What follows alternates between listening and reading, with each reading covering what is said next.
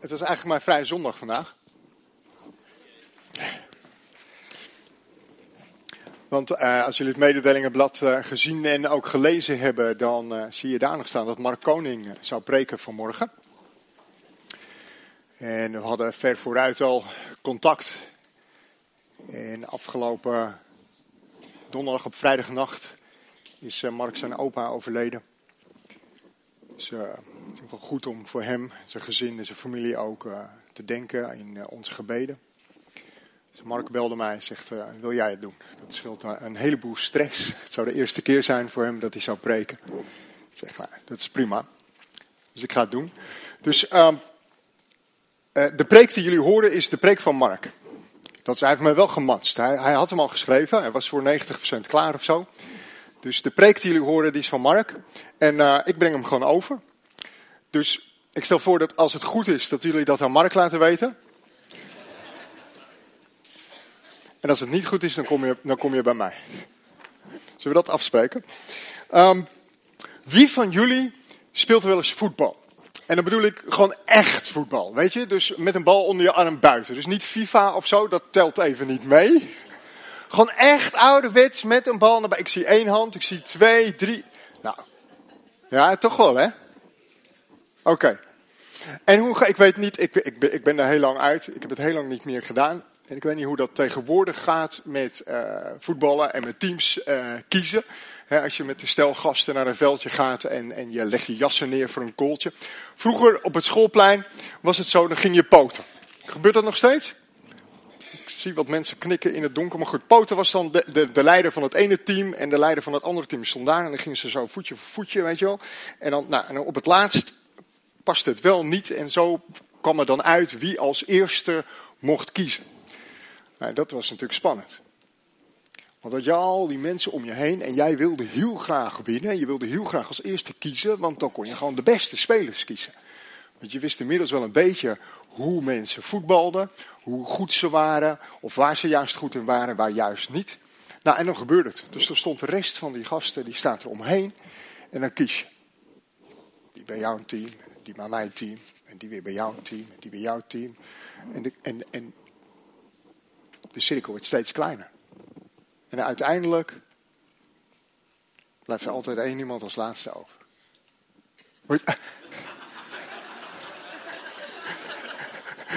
Dank je Martijn.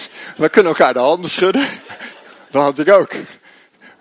Kon geen bal recht raken. Dus dan blijf je als laatste. Maar hoe beroerd is dat? Dat je eigenlijk van tevoren al weet. Ik zal wel weer als laatste gekozen worden hoor er kennelijk niet bij. Je kunt gaan twijfelen. Je kunt je minder waardig voelen. Nou, we gaan vanmorgen een verhaal lezen met elkaar. Een bekend verhaal over iemand die ook als laatste gekozen wordt. We lezen uit uh, 2 Samuel. 2 Samuel, hoofdstuk 16. Als het goed is, en het is goed, komt het erboven te staan. Weet je, de situatie is dat het volk Israël heeft een koning, koning Saul, en dat gaat allemaal niet zo helemaal lekker zoals God het bedoeld heeft. Dus God heeft tegen zijn profeet Samuel gezegd, hey, er komt een nieuwe koning, ik wil dat jij die nieuwe koning gaat zalven. En ik zal jou duidelijk maken wie die nieuwe koning is. Dus ga naar de plaats toe, ga naar het offerfeest toe, vier het feest samen met de familie van Isaï. En Isaïe heeft een hele rij aan zonen. En één van die zonen mag jij zalven en die zal koning worden. Nou, daar gaat het verhaal over. Dat is de situatie. En dan lees ik vanaf het tweede gedeelte van vers 5. Samuel nodigde ook Isaïe en zijn zonen uit voor dat offerfeest. En hij hielp hen om zich voor te bereiden op het offer. Een van de zonen van Isaïe was Eliab. Toen Samuel hem zag, dacht hij, dit is de man die de Heer uitgekozen heeft. Maar de Heer zei tegen Samuel, let niet op zijn uiterlijk. Kijk niet hoe groot hij is, ik heb hem niet uitgekozen. Wat je van buiten ziet, is niet belangrijk. Daar kijken mensen altijd het eerst naar, maar ik let erop hoe een mens van binnen is. Toen riep Isaïe zijn zoon Abinadab. En hij stelde hem aan Samuel voor, maar Samuel zei, de Heer heeft hem ook niet uitgekozen. Toen stelde Isaïe zijn zoon Samma aan Samuel voor. En weer zei Samuel, de Heer heeft hem ook niet uitgekozen. Zo stelde Isaïe zeven zonen aan Samuel voor. En Samuel zei tegen Isaïe, de Heer heeft niet één van hen uitgekozen. Heb je nog meer zonen? En Isaïe zei, ja, mijn jongste zoon, David. Hij past op de schapen en de geit. Toen zei Samuel tegen Izzy, laat hem dan hier komen. We gaan pas eten van het offer als hij er is. Isaïe liet zijn zoon David komen. David was een knappe jongen met rood haar en mooie ogen.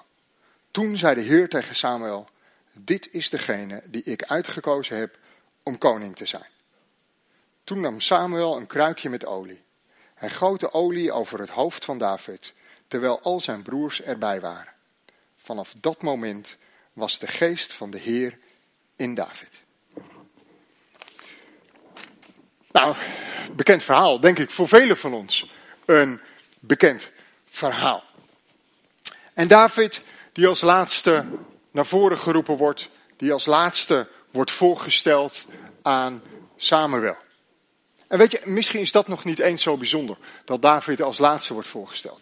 Want hij was de jongste en op volgorde van leeftijd worden ze voorgesteld aan Samuel. Beginnen bij de oudste en eindigen bij de jongste. Klinkt heel logisch. Maar wat opvallend is in dit verhaal, is dat in eerste instantie David er niet eens bij was. Hij was er niet eens bij aanwezig.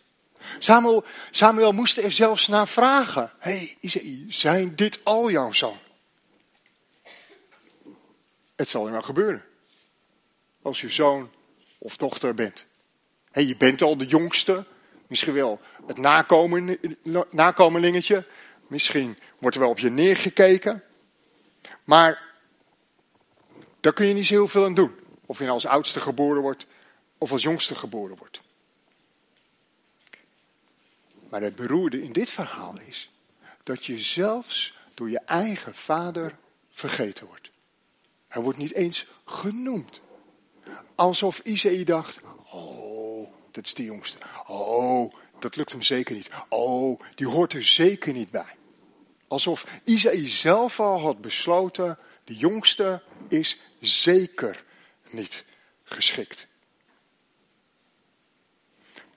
Stel je voor dat dit hier en nu in deze tijd zou gebeuren. Weet je, er komt iets, iets groots aan. Een groot feest of een festival of zoals ik net begon, een mooi groot voetbaltoernooi of zo. Of gewoon een avondje uit met vrienden naar de bioscoop. En iedereen die krijgt een appje en iedereen wordt uitgenodigd, maar jij niet.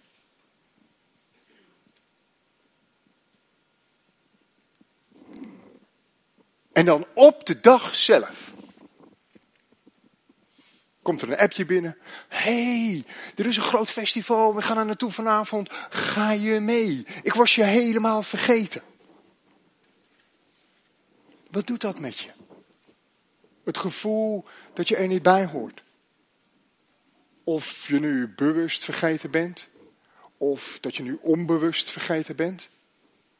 Je gaat twijfelen. Hoor ik er dan wel bij? Is er dan echt niemand van de andere vrienden die me eventjes een berichtje stuurt en zegt: joh, joh, ben jij al uitgenodigd? Hoe gaat het? Helemaal niemand.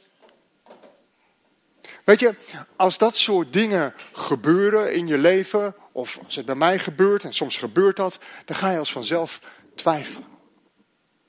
Op de een of andere manier leidt je zelfbeeld daar dan onder. Ben ik dan niet goed genoeg? Vinden ze me dan niet leuk genoeg? Ben ik dan niet aardig?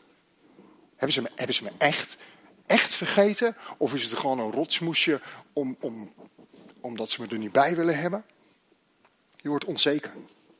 Het voelt gewoonweg niet goed. En misschien herken je dat wel. En toch, als je het gevoel hebt dat mensen om je heen je niet zien staan, God ziet jou wel. En meer nog, God herstelt jou ook. God kijkt veel verder dan die eerste indruk. Zoals ik net las. Let niet op zijn uiterlijk. Kijk niet hoe groot hij is. Ik heb hem niet gekozen. Wat je van buiten ziet is niet belangrijk. Daar kijken mensen altijd als eerste naar. Maar ik let erop hoe een mens van binnen is. God kijkt veel verder dan die eerste indruk. Hij ziet wie je echt bent. Waardevol. Geliefd. Uniek. Jij bent uniek. En net als David worden we gezien door God. En God gaat verder. God gaat veel verder. David wordt namelijk in het midden van zijn broers gezalfd. In het midden. Door al die anderen, die waren erbij. Groter, sterker. Voor mensen misschien wel veel meer geschikter. En ze staan daar en David komt en in het midden van zijn broers wordt hij gezalfd tot de nieuwe koning van Israël. Hij was vergeten, hij werd niet gezien, hij was onbelangrijk. En nu wordt hij gezalfd waar iedereen bij is. Van vergeten tot het middelpunt. God ziet jou. God kent jou. God ziet je gevoelens van minderwaardigheid, van verdriet, van je verloren voelen. Of misschien dat je gewoon wel vergeten voelt. God ziet je gebrokenheid. En bij David zien we dat God dit ombuigt naar iets veel mooiers. En dat er herstel komt. God ziet niet alleen, God herstelt ook.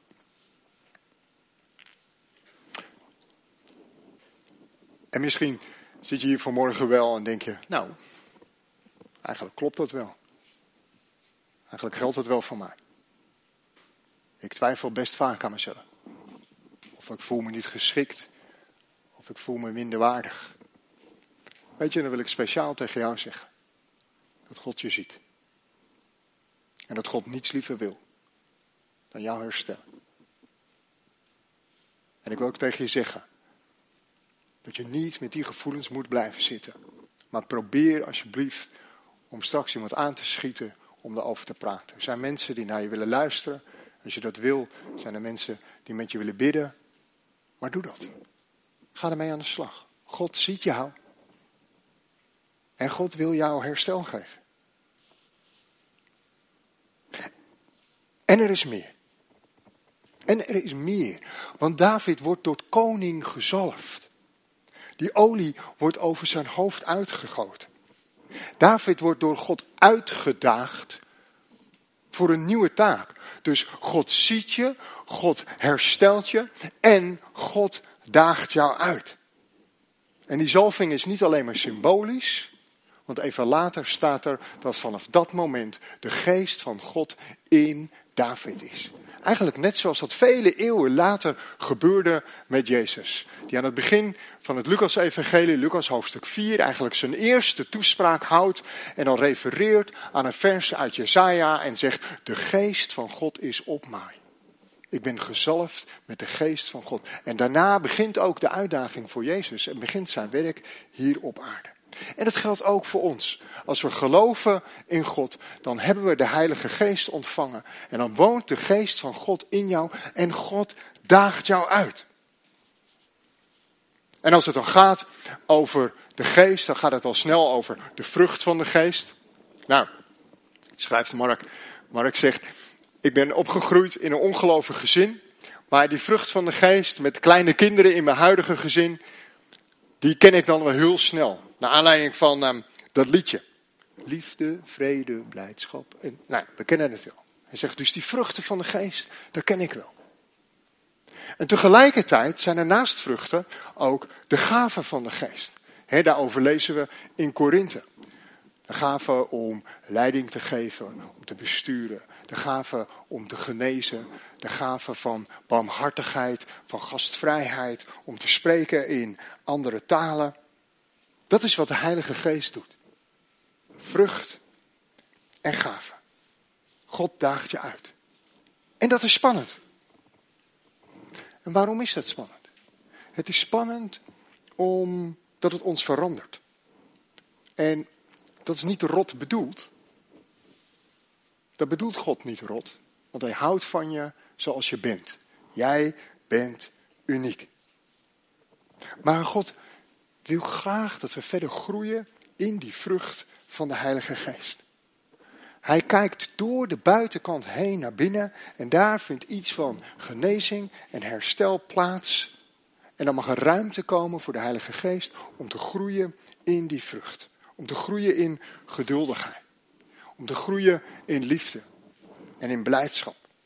En om eerlijk te zijn.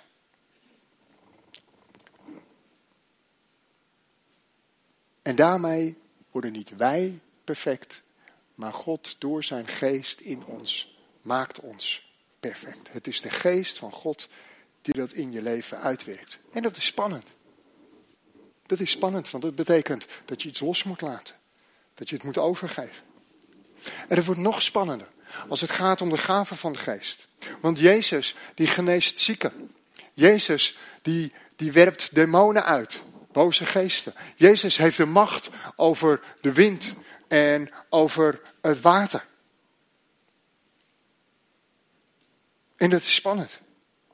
Want even later doen de volgelingen van Jezus precies hetzelfde.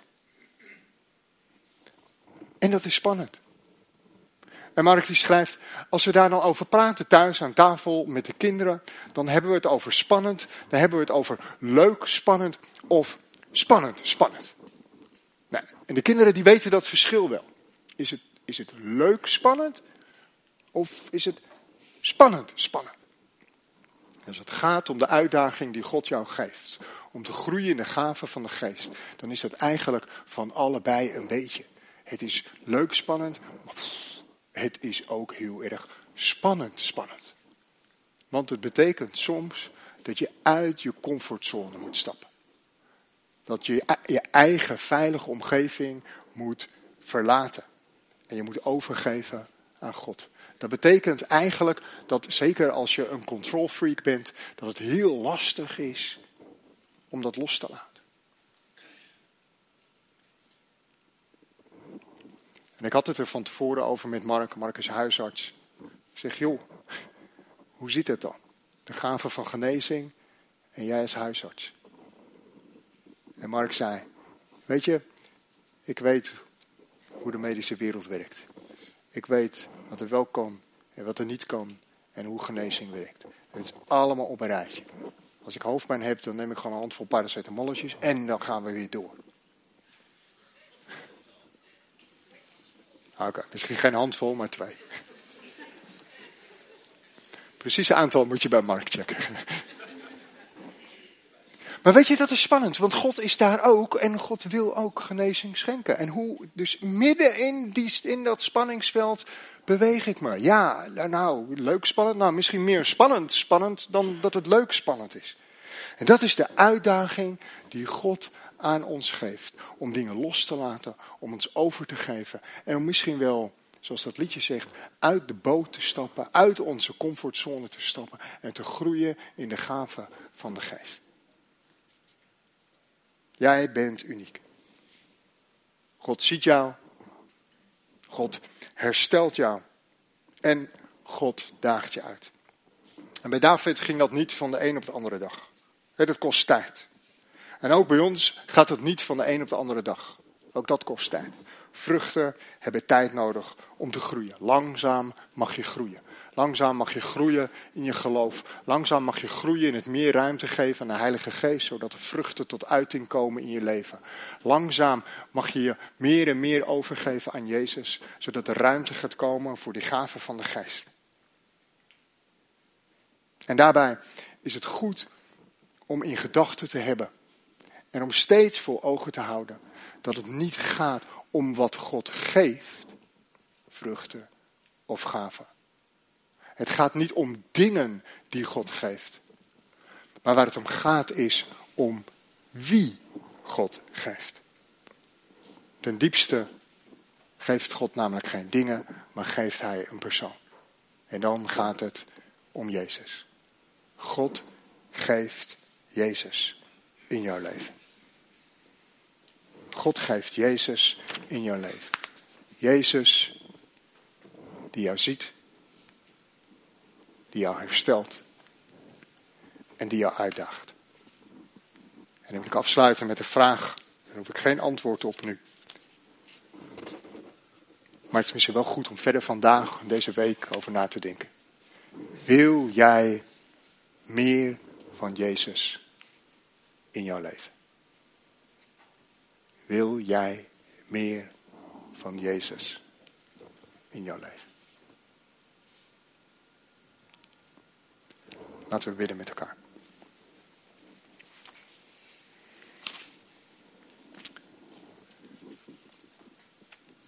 Vader in hemel, als we bidden met elkaar en voor elkaar, dan denk ik in de eerste plaats aan Mark en Suzanne en hun kinderen en hun familie. Heer, dan bidden we om uw leiding in alles wat er geregeld moet worden en wat er gebeurt. U weet van de moeilijkheden die er zijn. We bidden om kracht, om troost en dat uw vrede overweldigend mag zijn. Daar in die situatie, in deze familie. Vader, als we vanmorgen gehoord hebben dat we uniek zijn en dat u ons ziet, dat u ons ziet staan. En dat u heling schenkt en dat u uitdagingen geeft, dan danken we u daarvoor. Heer, en dan bidden we met elkaar en voor elkaar. Dat u ons de moed zult geven dat als we ons minder waardig of niet gezien voelen, dat we aan de bel zullen trekken. Bij u, bij iemand anders. Heer, dan bid ik dat we onze handen zullen uitstrekken naar elkaar en mensen mogen zien en mogen zegenen. En dat we ruimte zullen creëren voor meer van u, Heer Jezus, in ons leven. Heer, zegen ons zo, persoonlijk en als gemeente. We verlangen naar meer van u, Heer Jezus. Amen.